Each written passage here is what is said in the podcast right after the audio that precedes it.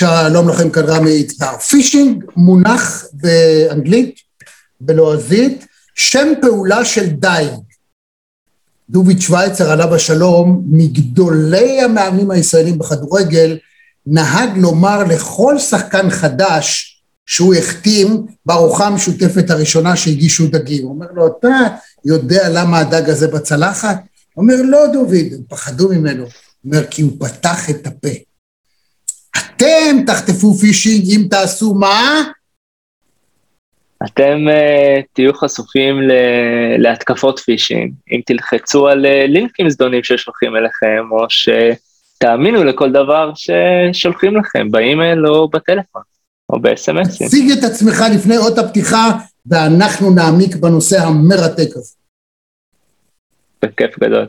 Uh, אז אני עמרי סגרון, אני הבעלים של חברת Cyber School, Cyber School זה בית הספר לסייבר הכי גדול בארץ. Uh, בשנים האחרונות הובלתי uh, פעילות הכשרות סייבר בכל מיני אוניברסיטאות בעולם, ובעיקר בארצות הברית. יש לי לא מעט ניסיון, את הניסיון שלי רכשתי בממר"ם, כשלפני לא מעט שנים הקמנו צוותי סייבר ומערך סייבר הגנתי, כדי להגן על התשתיות הכי קריטיות שיש לנו בצבא. Uh, כיום זה מה שאנחנו עושים, אנחנו עוזרים לחנך את דור העתיד של תעשיית הסייבר, גם בוגרים וגם ילדים, ופישינג זה תחום מאוד מעניין, מאוד מעניין. אתה, אתה יודע שילדים אני זוכר שבממר"ם, בכניסה כן. לממר"ם, היה מין דבר ענק ענק ענק ענק כזה, ותמיד היו מספרים לכל מי שמגיע בפעם הראשונה, אני הגעתי בתור אה, קצין בכיר במצ"ח, עוד לפני שהייתי קצין אה, כחוקר, אתה רואה, זה המחשב הראשון שהיה בצה"ל. זה משהו כמו מסדרון של חצי מגרש כדורגל. אות ואנחנו מתחילים, אומרים.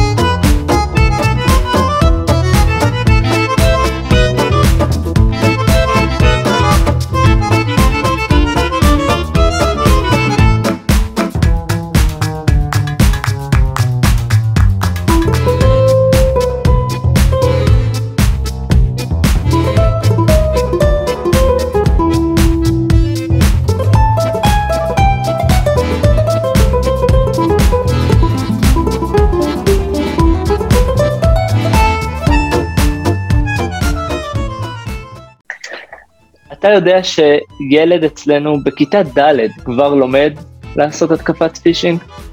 תבין כמה ההתקפה הזו היא התקפה שהיא קלילה והיא פשוטה, ובאמת אפשר להעלות אה, בחכה הרבה מאוד אה, אנשים שפותחים את הפה, כמו שאמרת. אמ, למען האמת, מה שקרה השבוע בחברת חשמל, אני מתייחס לזה אפילו יותר כמו אל רשת די, אפילו לא חכה. כי חברת חשמל היא, זה ארגון מאוד מאוד גדול. שהוא גם מאוד אמין. הרי על מה משחקים פה בפישינג? משחקים על, משחקים על האמינות של הגוף שבעצם שלח לך את ההודעה. אז חברת חשמל בתור גוף שהוא אמין, שאתה מכיר אותו, אתה יודע מי הם, ואתה יודע שאתה לא רוצה שיהיה לך חוב בחברת החשמל. אז משחקים על הרגשות של האנשים, משחקים על האינסטינקטים שלנו, אה וואי, לא, שלא יהיה לי חוב, בואו נמלא מהר את הפרטים, בואו תחייבו את האשראי זריז. אבל פה מתחילה הבעיה. זאת אומרת, יש, אתה מדבר על אחד משני הדברים. בעוד שכשמדובר בדג, אז הוא הולך לחכה כי הוא רעב והוא רוצה או ליהנות, לכו וואו, יש פה משהו טעים, אני אקח לי. כשאנחנו מדברים על פישינג, על פיתוי לצורך נוכלות, לעוקץ זה אחד משני מרכיבים. או שאני מפתה אותך, תלחץ ותקבל, אני יודע מה, נסיעה לירח בחינם, או אוי ואבוי, אם לא תלחץ עכשיו, אני מנתק לך את החשמל, אני סוגר לך את הפייסבוק, אני לוקח לך את האני לא יודע מה. אז אנחנו כבני אדם, וזה כל אדם, כשהוא רואה לנגד עיניו, אה, אתר שמתחזה, עם הלוגו, עם השם, עם כל דבר שגם בר דעת עלול ליפול בפח. איך בכל זאת אני מונע תודעתית את ה... הדג פותח את הפה.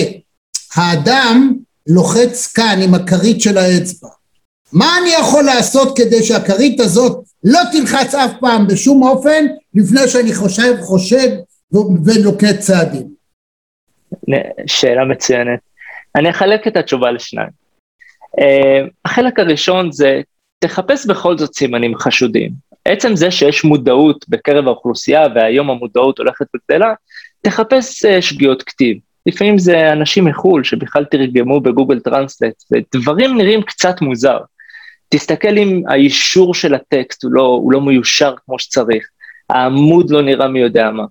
אם באמת ההאקר או התוקף, הפושע, מי שרוצה לגנוב לך כסף, השקיע הרבה מאוד משאבים, זה ייראה מדהים, זה ייראה פצצה, יותר טוב משל חברת חשמל אפילו.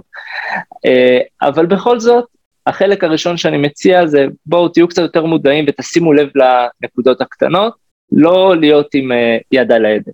החלק השני הוא החלק הבאמת חשוב. כלומר, אם אני מסכם את מה שאתה אומר, שלב ראשון, אם איימו עליך, או עומדים לפתות אותך, אנשים שאתה לא מכיר, או מחברות שלא מתכתבות איתך.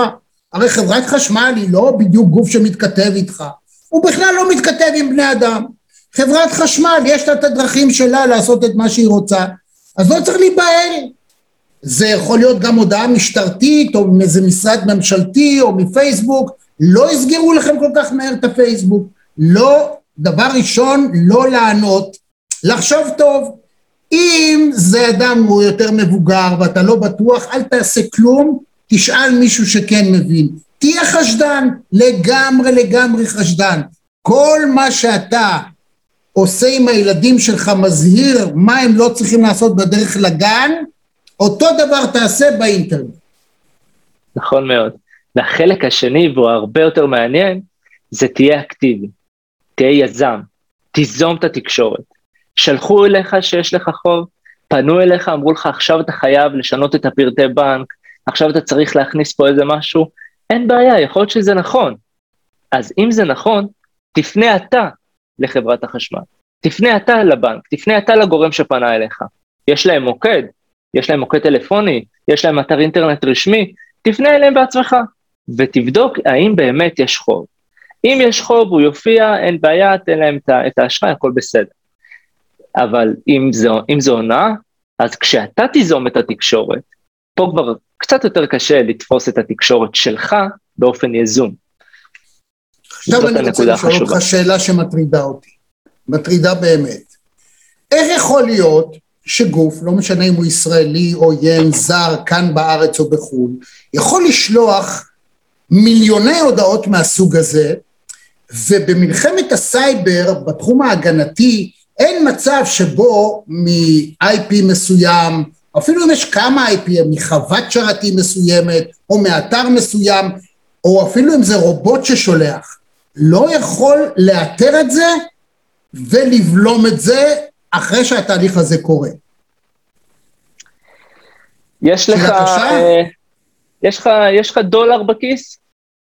בדולר אתה יכול לקנות מאגר אימיילים וכל מיני מכונות שיעשו את העבודה בשבילך, אתה אפילו לא צריך להיות איש טכני. הדבר הזה כל כך פשוט לעקיפה, כי זה בסך הכל כתובות אימייל. לשלוח אימייל זה הכי פשוט שיש. להשיג את המספרי טלפון זה הכי פשוט שיש. אגב, גם כרטיסי אשראי, אתה היום קונה בגרושים, מספרי כרטיסי אשראי. זה ממש לא קשה וזה ממש ממש פשוט לעשות את זה. Uh, מבחינה הגנתית, דווקא במקום הזה, הכלי, הכלי ההגנה הכי טוב זה, זה מודעות. כי להצליח להדוף מנגנונים, מכונות אוטומטיות, לעשות סקריפט בכל שפה כלשהי, פייתון, לא משנה איך, שבסך הכל שולח אימיילים, אימיילים זה קצת טקסט, זה אפילו לא צריך להיות עם לוגו, לא צריך להיות משהו מורכב, עם לינק ללחוץ עליו. זה, זה כל כך פשוט וכל ילד יכול לעשות את זה. כל ילד יכול מהמחשב הפרטי שלו להרים איזושהי מכונה ששולחת אימיילים. ניוזלטרים, ואנחנו כולנו מקבלים את זה היום. אוקיי, למנוע רגע, את זה? תרשה לי לשאול, תרשה לי לשאול, עמרי, זה בסדר שאני שואל? אוקיי. בוודאי. תראה, יש מנגנונים שמסננים, בעיקר מנגנונים ביטחוניים, שלמשל, סתם לדוגמה, אם אה, נכתבת המילה חיזבאללה, פיגוע, אה, מילה באיראנית, בפרסית וכדומה, זה מיד צץ במקום כלשהו ומנותב לאיזשהו מקום שאחר כך עובר סריקה, בדיקה וכדומה. האם בתוך מערך הגנה לא ניתן לייצר מצב שבו מילים של פישינג אפשר, הן בעצם חוזרות על עצמם. לחץ מיד, תעשה ככה וכדומה, זה יצוץ באיזשהו מקום, אני לא מדבר ברמת הפרט, אבל למשל אפילו לארגונים, והם מיד יעלו על זה. זאת אומרת, נגיד שחברת החשמל, אם אתה דיברת על הפישינג של נגד חברת החשמל, צריך לייצר מצב הגלתי שכל פעם שיהיה כתוב חברת החשמל, מנגנון הביטחון שלהם, חברה כמוך, גאון כמוך, איש אה, מקצוע כמוך, מיד מקבל, שמע, יצאו פה המון מיילים, אה, המון אה, פניות בוואטסאפ, שכתוב חברת חשמל, תבדוק מה קורה פה. מה אתה אומר? יש מושג אצלנו שנקרא false positive. המילה הזאת אומרת זה שאני עכשיו יצרתי איזשהו מנגנון הגנה, בדיוק כמו שתיארת, והמנגנון הגנה הזה, כמו שאמרת, מחפש מילות מפתח, מחפש איזושהי בעיה. כמות הפולס פוזיטיב שתהיה לנו, אם אנחנו נחפש אימיילים שרשום בהם חץ כאן, היא תהיה עצומה. יהיה הרבה יותר זבל שנצטרך לעבור עליו מאשר משהו שהוא איכותי. אנחנו חייבים למצוא דרך לבודד ולמצוא את אותו, את אותו ניצוץ ואת אותו מחט, ואז לבוא עם מגנט ולקחת רק את המחט הזה, מכל הזבל שיש באינטרנט. יש מילות מפתח, חברת חשמל. כל כך הרבה תקשורת יש בחברת חשמל, אתה לא תרצה לפגוע, או בסוף אתה יוצר את האפקט ההפוך, אתה יוצר אפקט של פגיעה בתשתיות האלה. ואתה רוצה למנוע את זה. false positive זה דבר שהוא מאוד מאוד מאוד קשה לתכנן ולבנות איזשהו מנגנון הגנתי שגם נמנע מ-false positive. זה בסדר שיהיה כמה אחוזי false positive, אבל אם, אם אתה כבר מדבר פה על ערימות, אתה פוגע גם בתשתיות הקיימות וגם בכוח אדם. ופה באמת נכנס העניין הזה שדיברנו עליו, של מודעות, מודעות, מודעות. יש קמפיינים של מודעות בתוך ארגונים. כשעושים קמפיין כזה של אה, שולחים איזשהו אימייל, איזשהו אימייל שהוא בטעות, האם אתם רוצים לראות את טבלת המשכורות, כל מיני אימיילים כאלה שגורמים לאנשים ללחוץ על, על הלינק, ואז רואים מי לחץ, כמה לחצו, מה אחוז המודעות אצלך בארגון. שזו דרך הרבה יותר יעילה להתמודד איתה, מאשר, אה, אה, מאשר שעכשיו איש שב"כ יבזבז כל הזמן שלו לעבור על מיילים. מה שכן, במידה וכן מישהו עבר הונאה, ודיווח על זה לרשויות, אז נכנס מנגנון הרבה יותר מתוחכם. כי אם אני עכשיו יודע שבאמת קרה מקרה וזיהיתי מייל שהוא מייל חשוד, וגיליתי שזה באמת מייל פישינג, אם דיווחתי עליו למשטרה או לשב"כ, הם לוקחים את המייל הזה, ואז מוציאים ממנו כל מיני נתונים, שזה כבר הרבה יותר חכם לנטר. רואים מאיזה כתובת IP זה הגיע, מאיזה לוקיישן זה הגיע, ומתחילים לעשות קורלציות. אז חברת חשמל זה אחד מהנתונים, אבל אני לעולם לא אחפש רק חברת חשמל. אני אחפש חברת חשמל, אימייל שיצא מגוף כזה וכזה, וגם את הצורה שהאימייל בנוי בה, יש כל מיני דרכים לאפיין אותו בצורה חד-חד ערכית. יהיה לי הרבה יותר קל לסרוק את האינטרנט ולחפש את הדבר החד-חד ערכי הזה. וזאת העבודה של אנשי הגנת הסייבר. כל הזמן חוקרים, כל הזמן מחפשים ומונעים את ההתקפה הבאה. זה מרתק, מפני שכל המומחים שאני מכיר, טענתם הבסיסית היא שבעצם הגנה במאה אחוז בלתי אפשרית. בלתי אפשרית. אה, אתה יודע, לפעמים אומרים שבהגנה נגד מטוסים, אז זה אפשרי, כיפת ברזל יש לו 98 אחוזי הצלחה, ובסייבר אפילו אי אפשר לדבר על אחוזי הצלחה. אין סיכוי. אני מסכים עם כל מילה. זה, זה, זה פשוט. אני, אני, אני אסביר לך על מנגנון של חברות אנטיווירוס, וזה מה שככה יגרום להבנה למה תמיד ההגנה יותר קשה מהתקפה. כשאתה תוקף, הכי קל לבוא ולחקור אותך, יש לי את כל הזמן שבעולם, אף אחד לא לוחץ עליי, אני אחקור כל דבר שאתה אוהב, ואני אשלח לך מייל כל כך מדויק, אין סיכוי שלא תלחץ עליו. וזה, אגב, זה נקרא ספיר פישינג. אני בחכה מאוד מדויקת, ספציפ, ספציפית אליך או ליעד שלך. אה, אבל בואו בוא נדבר קצת על אנטי וירוס לדוגמה, אנטי מלוור. אנטי וירוס, איך הוא עובד? הוא מחפש משהו שהוא ידוע. הוא מחפש וירוס שכבר התגלה לעולם. יש דרך שחותמים את הווירוסים, ואז סורקים את המחשב, סורקים את הרשת, ומחפשים את, ה, את אותו דבר חד-חד ערכי, שזה כנראה הווירוס. בסבירות מאוד מאוד גבוהה שזה באמת הווירוס.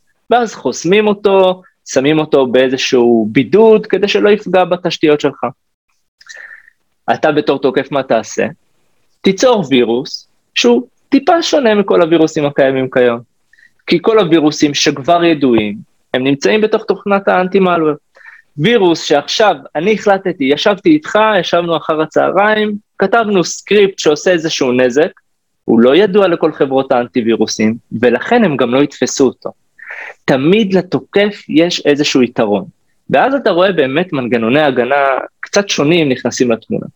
מכניסים לך מנגנון של אה, זיהוי אנומלי, או שמראש יש רשימת תוכנות במחשב שמאושר להשתמש בהן, וכל תוכנה אחרת צריכה לקבל אישור. מתחילים ליצור כל מיני white list, וכל מיני מנגנונים שבודקים אם יש אנומליה בתקשורת. אם בדרך כלל רוב התקשורת אצלך בארגון היא בין ראשון עד חמישי בשעות מסוימות, פתאום בשישי בלילה יש פיק מטורף בתקשורת, אוקיי, יש, יש פה משהו חשוד. הדברים האלה, מה שגורמים לנו, לבדוק את זה, וזה עדיין לבדוק, אתה לעולם לא יכול לעשות אה, אה, משהו שהוא אוטומטי. קח את המלחמה שהייתה לאחרונה, אם בצה"ל עכשיו פתאום ביום שישי היו אומרים, אה, יש peak, בוא נחסום את התעבורה. יש סיבה לתעבורה, סיבה לגיטימית, ופה נכנס ה false positive.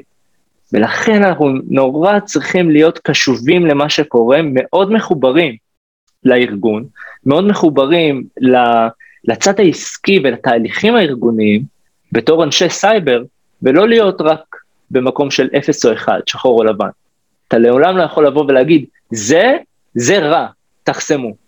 אה, כמה פעמים קרה שחסמנו במקרה תשתית שהיא לגיטימית, הלקוח לא קיבל את, ה, את, המ, את המוצר שלו בזמן, דברים שצריך מאוד מאוד לשים לב אליהם.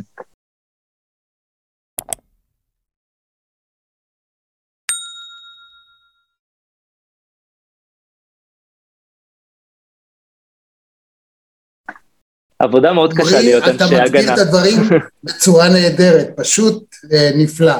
בוא תרד איתי לרמת הפרט, רואים אותנו מאות אלפי אנשים, ברמת המשתמש, משתמש הקצה. חוץ מאשר להיות כל הזמן מאוד זהיר, האמת היא שהחשש הגדול מהתקדמות ה-AI, זאת אומרת הבינה המלאכותית, בהחלט יודעת לייצר, או אנחנו מתקדמים לקראת מצב ששום הגנה לא תעזור, מפני שתמיד תדע לדבר איתך בשפה שמנצלת את חולשותיך. למשל, אם אתה מאוד גרידי ואתה מאוד אוהב, לא יודע מה, מוזיקה, ואני יודע שהלהקה הכי הכי הכי, אני יודע, שאתה מת עליה זה, אני יודע, בלק אייד פי, אז ואני אומר לך, קבל ותשמע את הלהיט הגדול החדש שלהם, אתה לא מעלה על דעתך לחשוב, לפתוח מגירת אנטי פישינג, אתה לוחץ אותו לשמוע את השיר. זאת אומרת, המצב היום של רמת התחכום עלולה להגיע לרמה מאוד מאוד בעייתית. מה דעתך על מה שאני אומר? אבל למה? אבל למה? אבל למה? למה, למה, אתה, אתה ראית איזשהו, איזושהי הודעה, קיבלת אימייל מגוף שאולי אתה בכלל לא מכיר, וגם אם הוא מתחזה לגוף שאתה מכיר, תסתכל רגע, תסתכל בכתובת אימייל, תסתכל מאיזה דומיין זה הגיע. כל אימייל מגיע מדומיין מסוים, נכון? או, כתובת אימייל, זאת אומרת בוא נרד לרמה של עדיין תסגל לעצמך מצב, אתה לא לוחץ על לינק בשום פנים ואופן, גם אם הוא נגיד מוכר כמו יוטיוב, כי לפעמים אתה רואה בעין כתוב יוטיוב, אבל בפנים הכניסו איזה E מיותרת, איזה עין מיותר, עם הלוגו בצד בדיוק אותו דבר, תקרא טוב, תסתכל טוב טוב טוב על הכתובת, אבל למה אני צריך להגיד את זה? אבל לשם כך אתה פה. זה, זה, זה, לא רק, זה לא רק כתובת אימייל. אם זה מספר טלפון, וזה מספר טלפון שלא שמור אצלך והוא לא מוכר, ואין לו שם, אז מראש, לא משנה מה שלחו לך, אתה יכול למצוא את זה לבד. מחזיר אותי להמלצה הראשונית שלי. תהיה אקטיבי, אל תהיה פסיבי, אל תלחץ על כל דבר ששולחים לך. אמרו לך שיש משהו שזה קיים, יש איזשהו סינגל חדש ששווה לשמוע, גוגלית, לך לגוגל, אתה תמצא את זה בקלות. מה שאמרתי על הכתובות אה, אימייל, הוא נכון גם לאתרי אינטרנט. יכול שאתה תעשה גוגל, ויש דרכים טכניות לגרום לך לגלוש לאתרים שהם לא אתרים לגיטימיים. זה, זה אפשרי. מספיק שנשב איתך באותו בית קפה, אני אעשה קצת uh, מניפולציה על הרשת שאני נמצא בה, כי כולנו יושבים על אותה רשת, ואני אגרום לך להגיע לשרת שהוא לא השרת שתכננת להגיע אליו. אז גם שם, כשאתה, כשאתה מגיע בגוגל, אתה מגיע לאיזשהו אתר, תסתכל על הכתובת, על הדומיין למעלה, על הכתובת URL. זה לא, לא אוטומטית ללכת לכל דבר. לפעמים יש לך... וכאן אני אגיד רגע משהו מאוד חשוב. בישראל, בניגוד להרבה מאוד מקומות בעולם, בעצם כולנו קנינו חבילה עם המון ג'יגות. אתם יושבים בבית קפה, קבלו ממני עצה, אל תתחברו לרשת המוצעת לווי-פיי, גם לא בקניון ולא במסעדה. אם יש לכם חבילה מספיק טובה, ואם לא, אתם יכולים לקבל 200 ג'יגה ב-30 שקל במגוון של חברות גדולות. אל תתקמצנו על זה וההבדל הוא חמישה שקלים בחודש, שזה שטויות. תגלשו אך ורק ברשת שלכם. אל תצטרפו להצעות וי-פיי במקומות ציבוריים. מה אתה אומר על ההצעה הזאת? איזה הצעה ששווה זהב. לנו כל כך פשוט, תחשוב, אתה נותן לי כבר חצי, חצי דרך כשאני איתך באותה רשת, זה כבר חצי מהעבודה. חסכת לי מלא מלא מלא עבודה. אבל לפרוץ לך לתקשורת הסלולרית, פה זה כבר מתחיל להיות קצת יותר מורכב, ואז יהיה לי הרבה יותר קשה לתקוף אותך. אז עכשיו בוא נדבר על ההבדל בין אנדרואיד לאפל. אוקיי. זה שמיים בארץ, דבר על זה. אגב, תעשו לייק, שזה בשום אופן לא יקרה לכם שום דבר רע, להפך, רק משהו טוב. תירשמו במנוי, נורא חשוב ונורא טוב לכולנו, ותראו את הכל, תראו מגוון אדיר של מרואיינים בנושאים מגוונים נפלאים בענייני היום ובעניינים אקטואליים, ודברים שהם מועילים לכם מאוד, אז קדימה, לייק, תעשו מנוי והיידה, נתקדם, בבקשה. ההבדל בין אנדרואיד לבין אפל. זה שאלה, אתה, אתה מכיר מערכת הפעלה שנקראת uh, לינוקס? זו כן. שאלה דומה בין מייקרוסופט ללינוקס. Uh, שאלה מעניינת, אני רוצה אבל להיות מאוד זהיר uh, ולא לבלבל את קהל היעד שלנו, את, ה, את האנשים שמאזינים לנו כרגע. אפל uh, ואנדרואיד, uh, זה, ההבדל העיקרי זה שאפל זה מערכת הפעלה סגורה, ואנדרואיד מערכת הפעלה פתוחה. מה ההבדל ביניהם? אפל באים ואומרים, אני יודע יותר טוב ממך איך לנהל את המשאבים של הטלפון. אז אני, אני דואג לכל האפליקציות, אני דואג לצורה שהכל נראה ועובד, ובגלל זה, סמוך עליי, חוויית המשתמש שלך תהיה גבוהה, יעילה ומהירה, ואנחנו נמקסם את, ה, את, ה, את התשתית שיש לך ביד. מה זה כולל בפנים? אבטחה. אל תדאג, אל תדאג לאבטחה, אנחנו נדאג לך.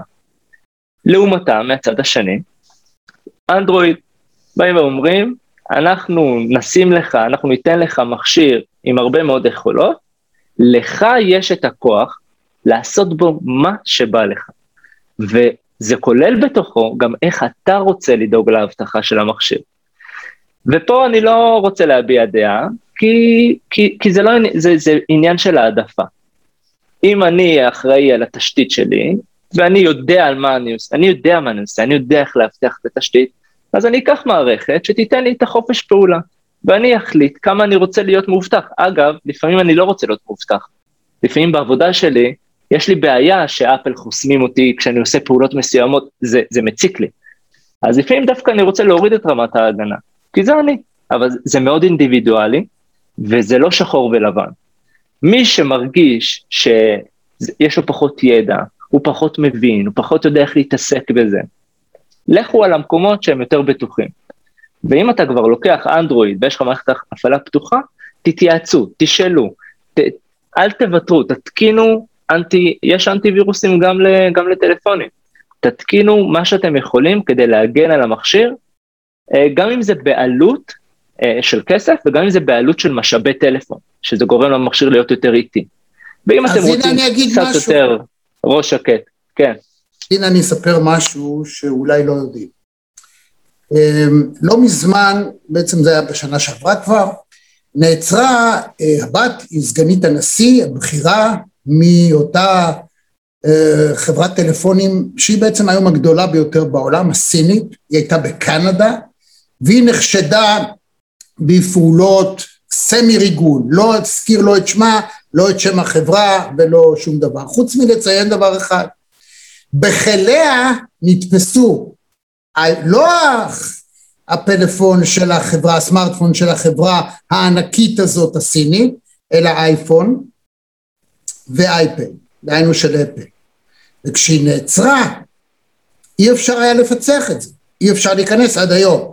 מדוע? כי חברת אפל, אני אספר כאן סיפור, כשהיה פיגוע במרתון בוסטון, המחבל שפוצץ את עצמו, אז אה, נותר בשטח אה, הפלאפון שלו. ואפילו ה-NSA לא הצליח לפרוץ, לא ה-FBI, אף אחד שחקר את זה. לכן הם פנו לבית המשפט, רשויות הביטחון האמריקאיות, ודרשו שאפל תפצח את המכשיר הזה כדי שנדע, בן אדם רוצח, זה, זה, זה, הוא כבר מת, תנו לנו לראות מה בפנים. אפל התנגדה, וזה הלך לערכאות, לקח תקופה מאוד ממושכת, ובית המשפט אמר לא, זאת, אפל אמרה אני לא יודעת איך לעשות את זה. אני מייצרת את המכשיר באופן שאני לא יכולה לפרוץ את המכשיר שלך, זה לא שאיזה פקיד אצלי יכול לעשות את זה. וזה אומר המון גם על תפיסת העולם שלהם, גם באמת מי זה ומה זה אפל, לעומת אנדרואיד, שלא שהם לא יכולים לעשות את זה, צריך להגיד שאנדרואיד זה גוגל, ובאמת חברה ענקית, גדולה, נפלאה, נהדרת, בלעדיה גם אתם אפילו לא הייתם יכולים לראות את הרעיון הזה, אתם רואים אותו בעניין מרכזי, אז גם אם אתם גולשים כנראה דרך אה, בראוזר של אה, גוגל, ואם לא, אז אתם אה, רואים אותי בסמארטפון שלהם, או ביוטיוב, שגם זה גוגל, שהיא הענקית הכי גדולה בעולם. אז מה שאני רוצה להגיד פה, שבאופן אישי, אני הרבה יותר, אני בוטח הרבה יותר באפל, אני אגיד שיש לי את שניהם, זאת אומרת, אני עובד כל היום עם שניים. גם עם אייפון וגם עם אפל, גם עם סמסונג וגם עם אה, אייפון, אה, מטעמים כאלה ואחרים, אבל מבחינת רמת האבטחה והביטחון שיש לי, אז באפל הרבה הרבה הרבה יותר. עכשיו כמובן אני לא עוסק במלחמה כמוך, אז אני בסך הכל משתמש. וזה, וזה לגיטימי, אתה, אתה מביע דעה שהיא דעה שהיא די רווחת אה, באוכלוסיות רבות.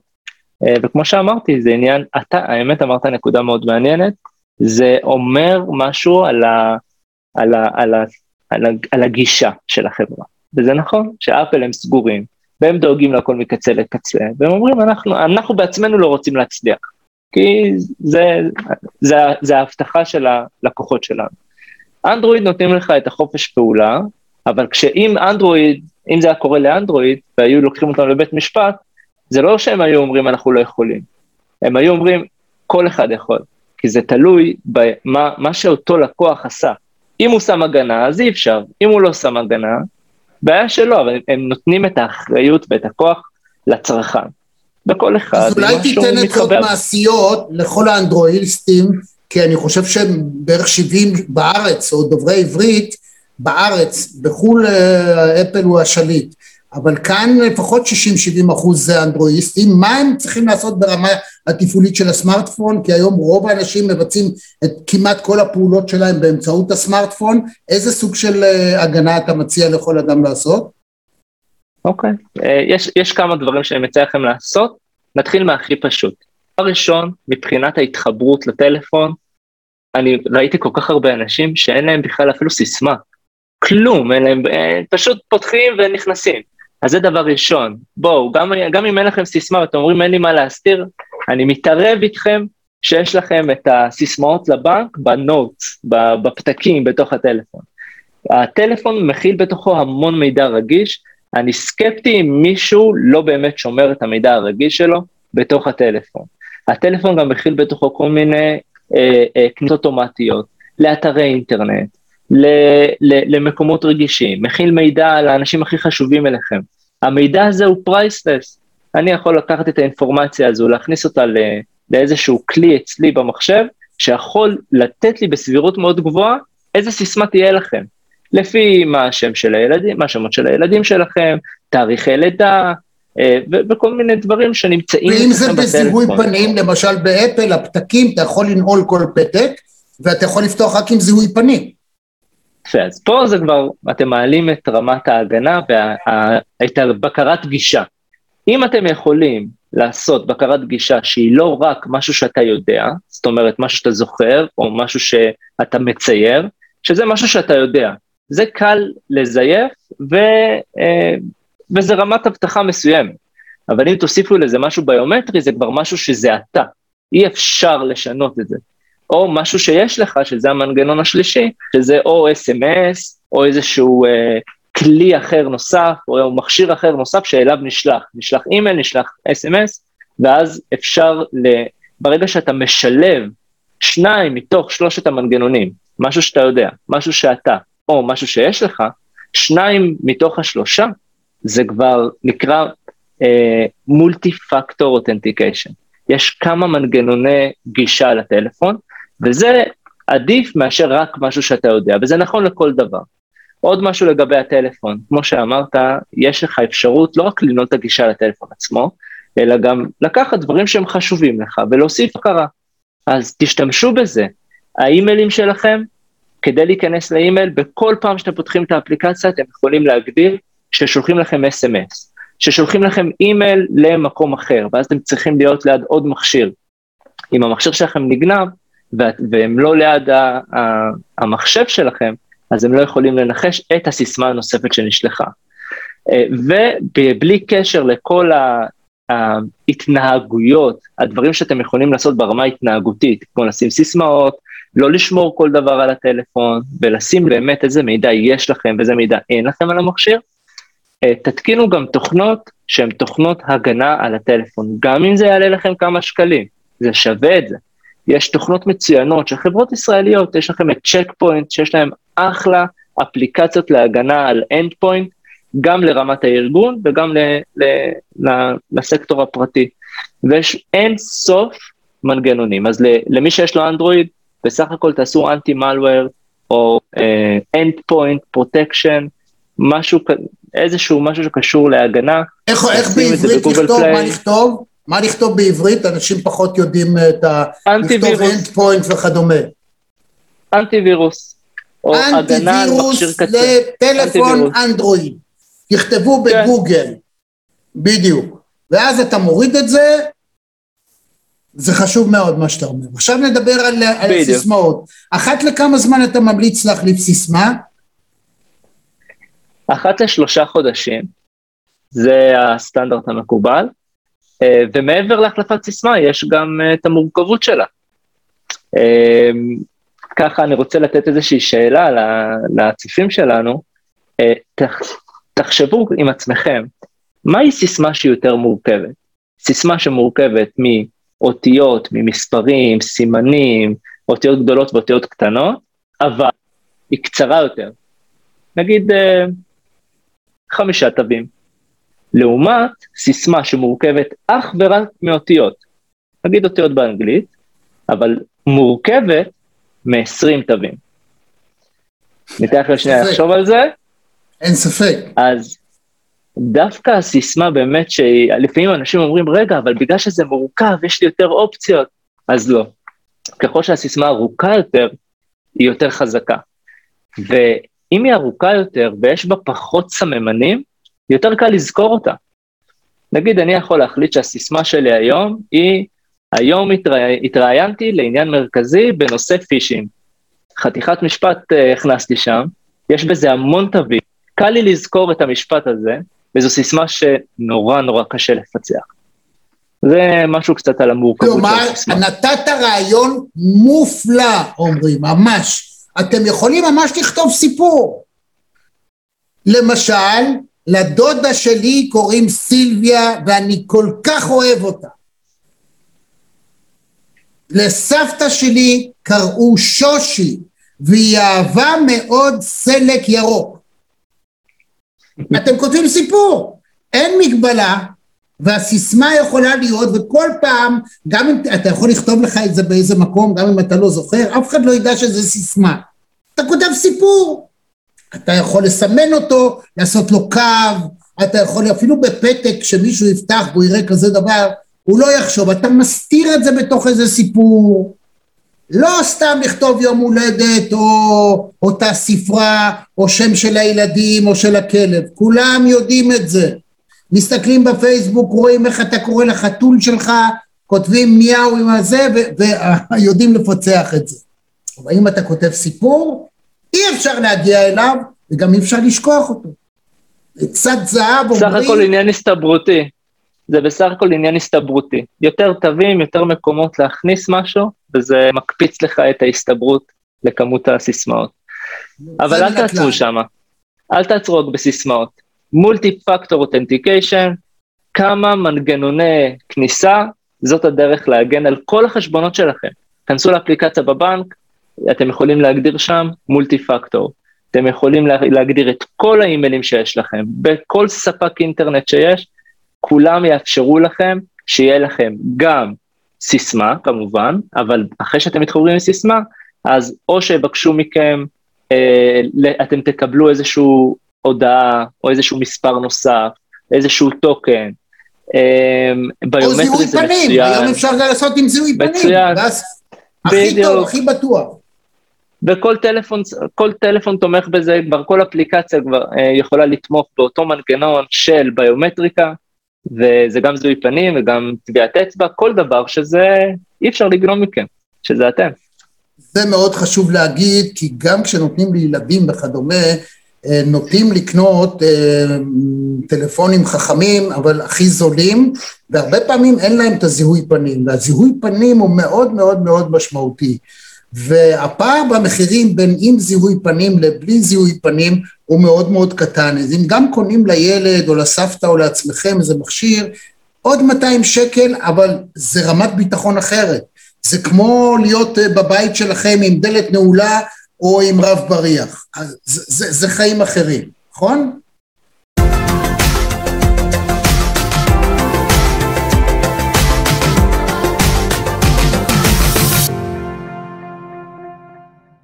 אתה מתפרץ פה לדלת פתוחה, אני בכל... לא יכול, לילדים... לא יכול להיכנס, יש רק בריח. כל מה שקשור לילדים, אני מחמיר, אה, יש לי ילדה, קוראים לה אדל, היא בת חמש, ליום הולדת אה, חמש קניתי לה אייפד. ואני, אני, לא אמרתי לך באיזה חברה אני נמצא, אבל אני כן עם אפל, גם מחשבים, גם אייפון, כל התשתית שלי זה אפל. קניתי לה אייפד, ובמקרה שלה, היא לא יכולה לעשות כלום בטל... באייפד בלי אישור.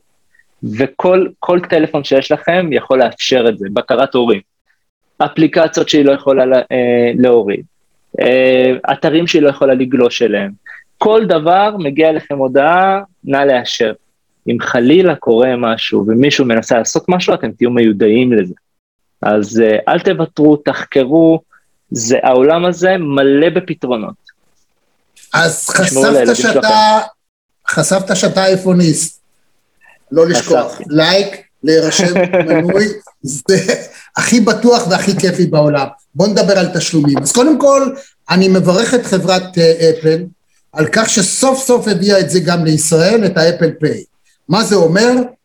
זה אומר חיים אחרים. בארצות הברית יותר מ-72 אחוזים, אם אינני טועה, מן התשלומים בכל מקום, בכל חנות, מה שאתם לא רוצים, שקונים בארצות הברית, בן אדם עומד בקופה, לוקח את האייפון שלו, מניח אותו על, על מה שאתם רואים בכל חנות אצלכם, שלום, אתה מסתכל על זה, אתה מניח את זה ונגמר.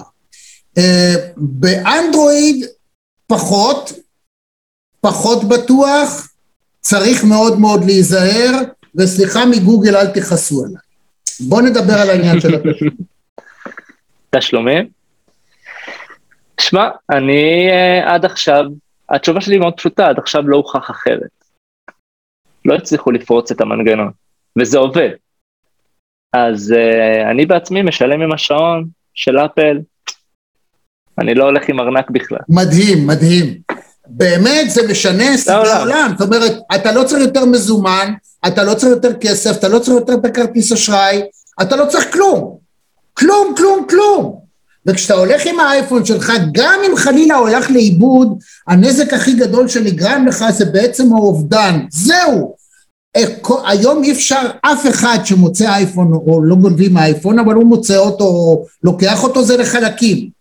זה הכל. הוא לא יכול לעשות עם המכשיר שום דבר. אז הנזק שיכול להיגרם הוא אך ורק עלותו של המכשיר.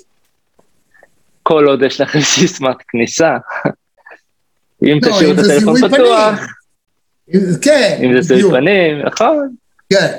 אז אתה אומר שלגבי התשלום, אה, אתה, אגב, עוד יתרון אחד שיש לאפל פיי, כל תשלום שאתה מבצע, אתה מיד מקבל את הקבלה למכשיר.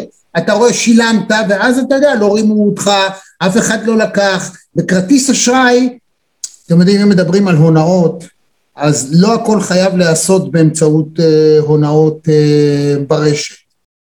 אני אתן לכם למשל אה, שיטה שהיא די מקובלת. ושוב, אני קצין בכיר במצ"ח, אז אני מותר לי לספר לכם גם סיפורים מאחורי הקלעים, דברים שלא תמיד מספרים. לא אחת נתפסים אנשים, עובדים, בחברת פיצה, באיזה מסעדה, באיזה חנות, משהו שאתם נוהגים להשתמש ולהזמין. מתי אנשים כאלה לא נתפסים אף פעם? הוא רואה איך, איך מתנהג הלקוח. נגיד שהלקוח כל יום שישי קונה פיצה. והוא יודע כבר איזה פיצה הוא קונה, ומדובר בפיצה שהעלות שלה 50 שקל. פלוס הוא קונה עוד קולה ועוד זה, זאת אומרת העלות הכוללת היא נגיד 70 שקלים. מה שהאיש הזה עושה עם הדבר הזה, כשהוא בבית עם החבר'ה שלו, אומר בוא נזמין משהו.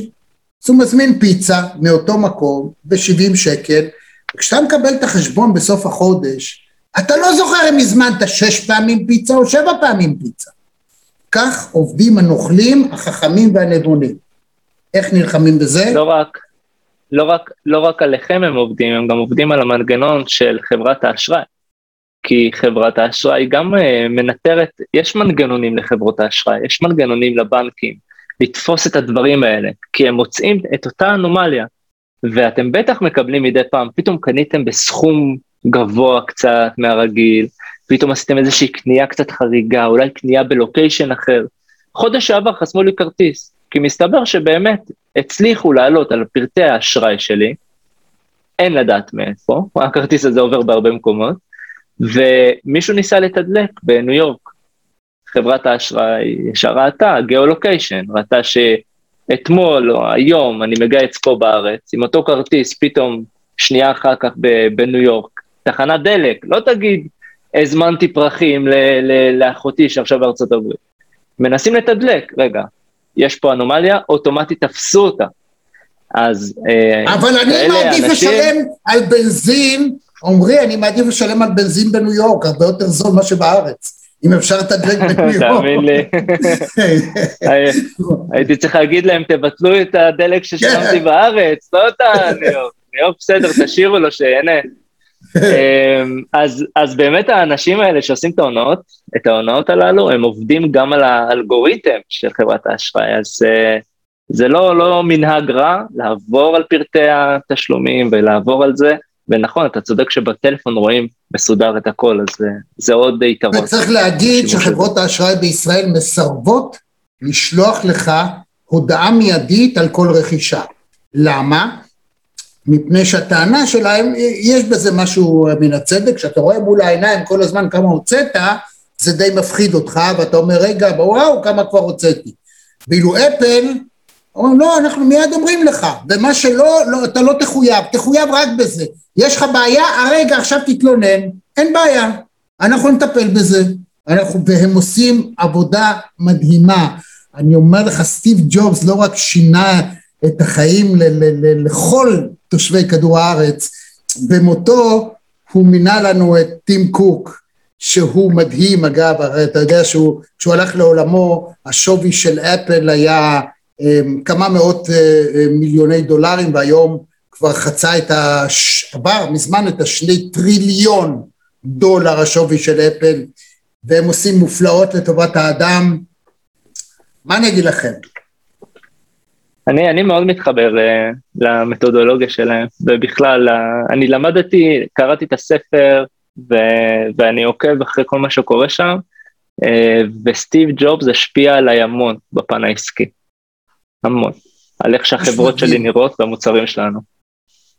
כן, אז רבותיי, צריך להגיד באמת, יחידים הם אנשים, לא ממשלות שינו את פני האנושות ואת הקדמה, דווקא אנשים בודדים, אנשים פרטיים. סטיב ג'ובס, בן אדם שלא סיים אה, שום דבר. הוא עזב הכל והתחיל לעבוד באיזה מוסך בבית שלו והגיע לאן שהגיע. הוא אמר, אני הולך לשנות את העולם. אז נכון שהוא היה איש קשה בסופו של דבר וכדומה. תראו את אילן מאסק. קח את כל הכסף שלו, הוא אמר, אני רוצה לנסוע למאדים. בתוך שנתיים שלוש, עכשיו אתם יודעים במאדים, מה שנאסא, מה שאף אחד בעולם לא הצליח לעשות, הצליח אדם בודד לעשות. ועוד כל, המכונית החשמלית, או המכונית האוטומטית, האוטונומית, אומר אני רוצה לעשות והוא עשה. יהיינו כל מה שהדעת יכולה לעלות, בסוף אנחנו כבני אדם יכולים להגשים. והוא מאמזון, מה אני אגיד לכם, בזוס, היום האיש הכי עשיר בעולם, צריך רק להשתחוות בפני אנשים כאלה, לכבד אותם, להעריך אותם, ותזכרו שגם בקורונה, בסוף חברה פרטית הצילה את העולם. לא מדינות. האמריקאים לא עשו את זה ואף אחד אחר ואפילו מדינת ישראל שגייסה את כל המוחות שלה במכון הביולוגי בנס ציונה לא הצליחה.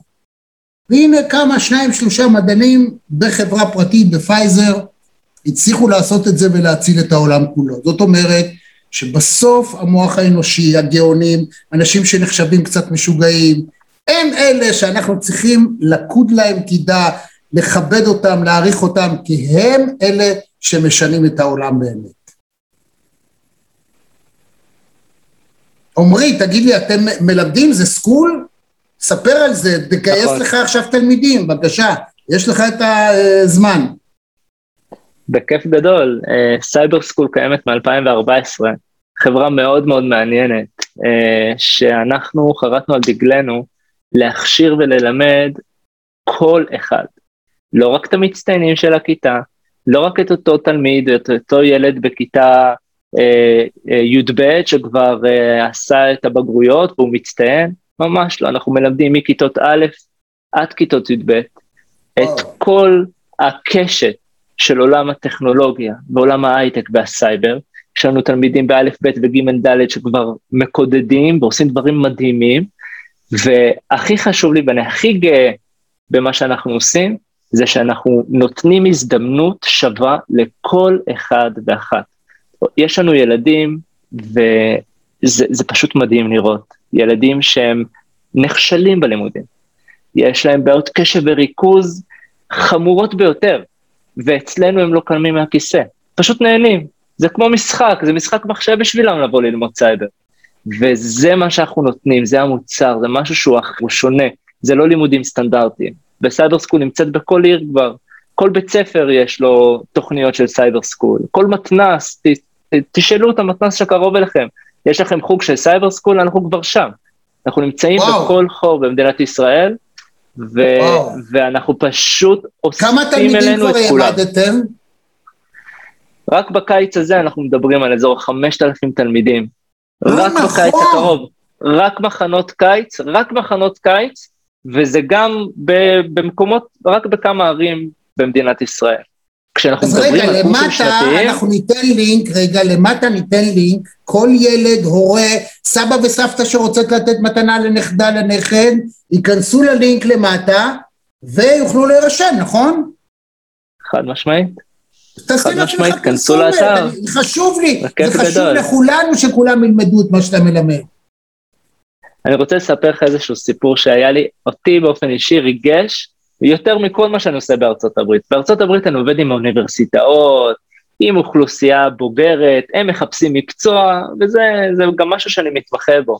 אבל מה שבאמת ריגש אותי בחודש האחרון, זה שעכשיו בדיוק נגמרו הקורסים השנתיים. אצלנו שנה זה מספטמבר עד יוני. ואימא שלחה הודעה למנכ"ל שלנו בסייבר סקול, לנצח, נצח המנכ"ל, ואמרה לו שהילד שלה, יש לו בעיות קשב וריכוז, ויש לו, באמת מנסים למצוא מלא מלא מלא פתרונות, ורק אצלנו הוא יושב במשך ארבע שעות, היא הראשונה, הם הראשונים שנרשמו למחאות קיץ, במשך ארבע שעות, והיא באה אליו ואומרת לו, אני רוצה לתת לך ארוחת צהריים, בוא לאכול. לא, לא, לא, לא, אנחנו, אין לי זמן. אין לי זמן, אני עכשיו תוקף, אני עכשיו באמצע האקשן, עכשיו כיף לי. והם עושים דברים מדהימים, וזה לא, לא חבר'ה שלא רק המצטיינים של מתמטיקה או פיזיקה או מדעים, כל אחד יכול. סייבר כל כך רחב, יש כל כך הרבה תחומי עניין, תנו לילדים שלכם את ההזדמנות הזו להיכנס לעולם הזה. מה שאתה אומר הוא, זאת אומרת, אני, בלי שאני אכיר את בית הספר הזה, אני מניח שמה שמהווה את הפיתוי או את הפתרון, הוא בעצם, זה התפתחות אדירה שיכולה להיות לילד, בעיקר מי שסובל מכל מיני בעיות כאלה ואחרות, אה, בתחום הריכוז והיכולת אה, אה, להעריך בלימוד או בקשב, מה המתודולוגיה שלכם? מה הפטנט שלכם? איך אתה מפצח את זה? איך אתה מדלג על פני זה? הרי חייבת להיות איזו שיטת לימוד שהיא ייחודית. עמרי, גלה לנו. אה, שאלה טובה. לא את כל הסודות, אבל אה, קצת. לא אגלה לך את כל, לא אגלה לך את כל הסודות. לא, לא, קצת. אה, אבל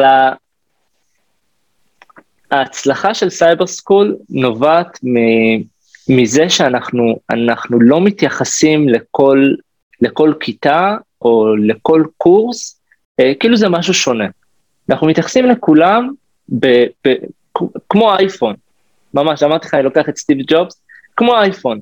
אין מצב, אין מצב, שהמדריך שנמצא בכיתה לא עבר את תהליך הסינון הקפדני ואת כל מסכת האודישנים ש, אה, שאנחנו מעבירים את כל המדריכים. אין מצב כזה. אם חלילה קרה מקרה כזה, זה, זה, זה מקרה קיצון.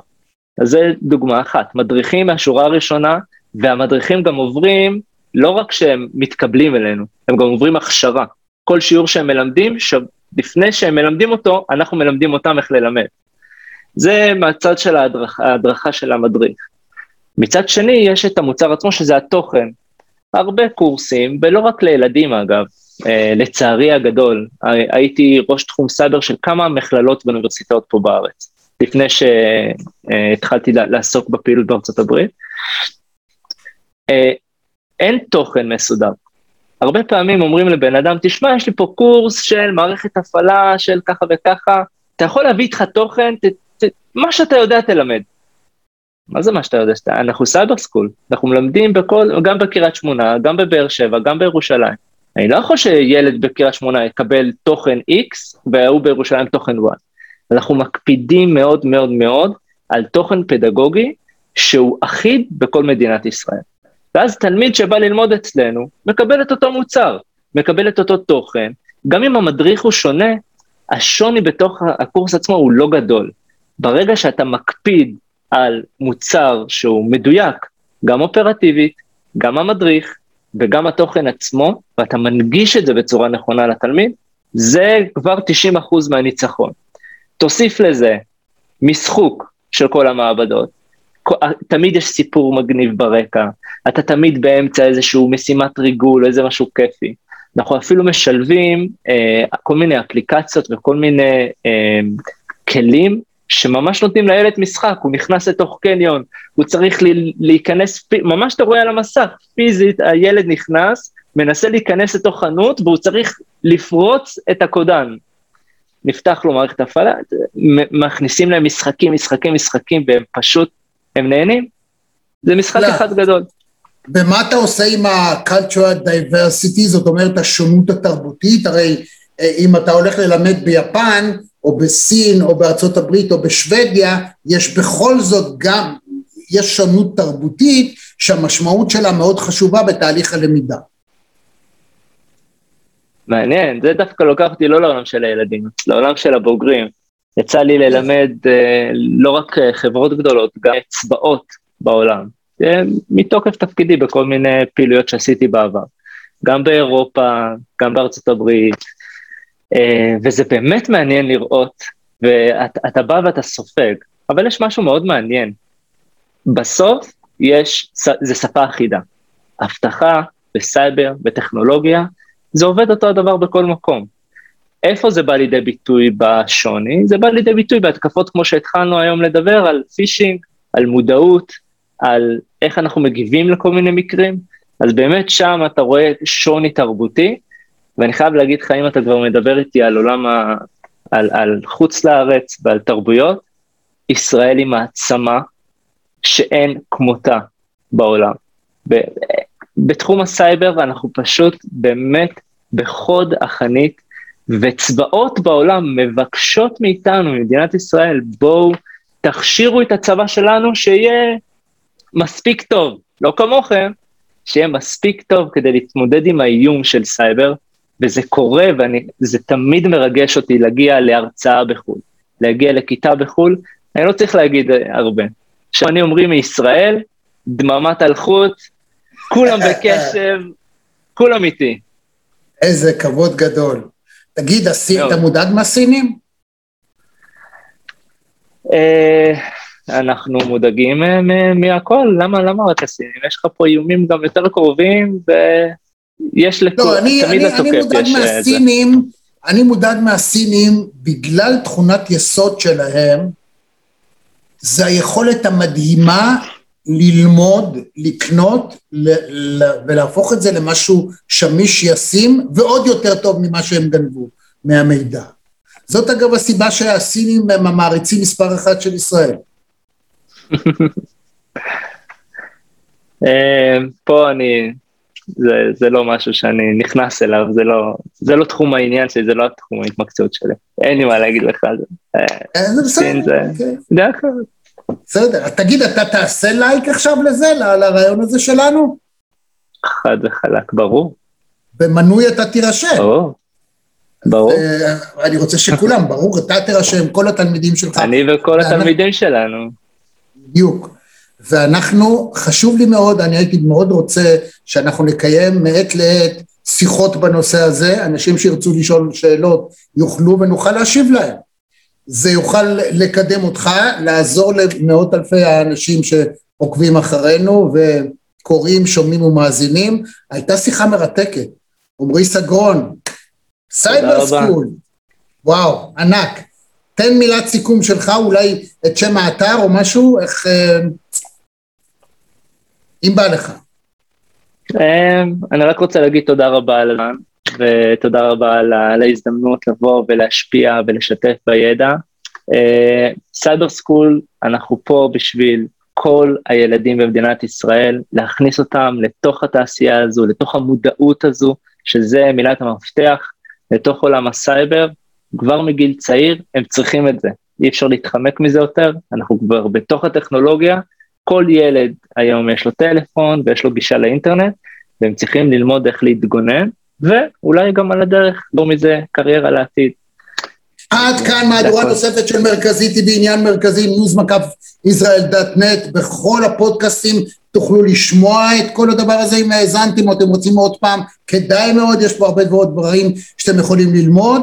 תפיצו לבני משפחה, למי שאתם אוהבים, לחברים, יקירים, תודה רבה לכם, לייק, להירשם, להתראות. עד כאן מהדורה נוספת של מרכזי TV. אם היה לכם כיף, אם נהניתם, אנא לחצו לייק וגם על הפעמון כדי לקבל רמז על המפגש הבא שלנו. אני רמי יצהר, להתראות.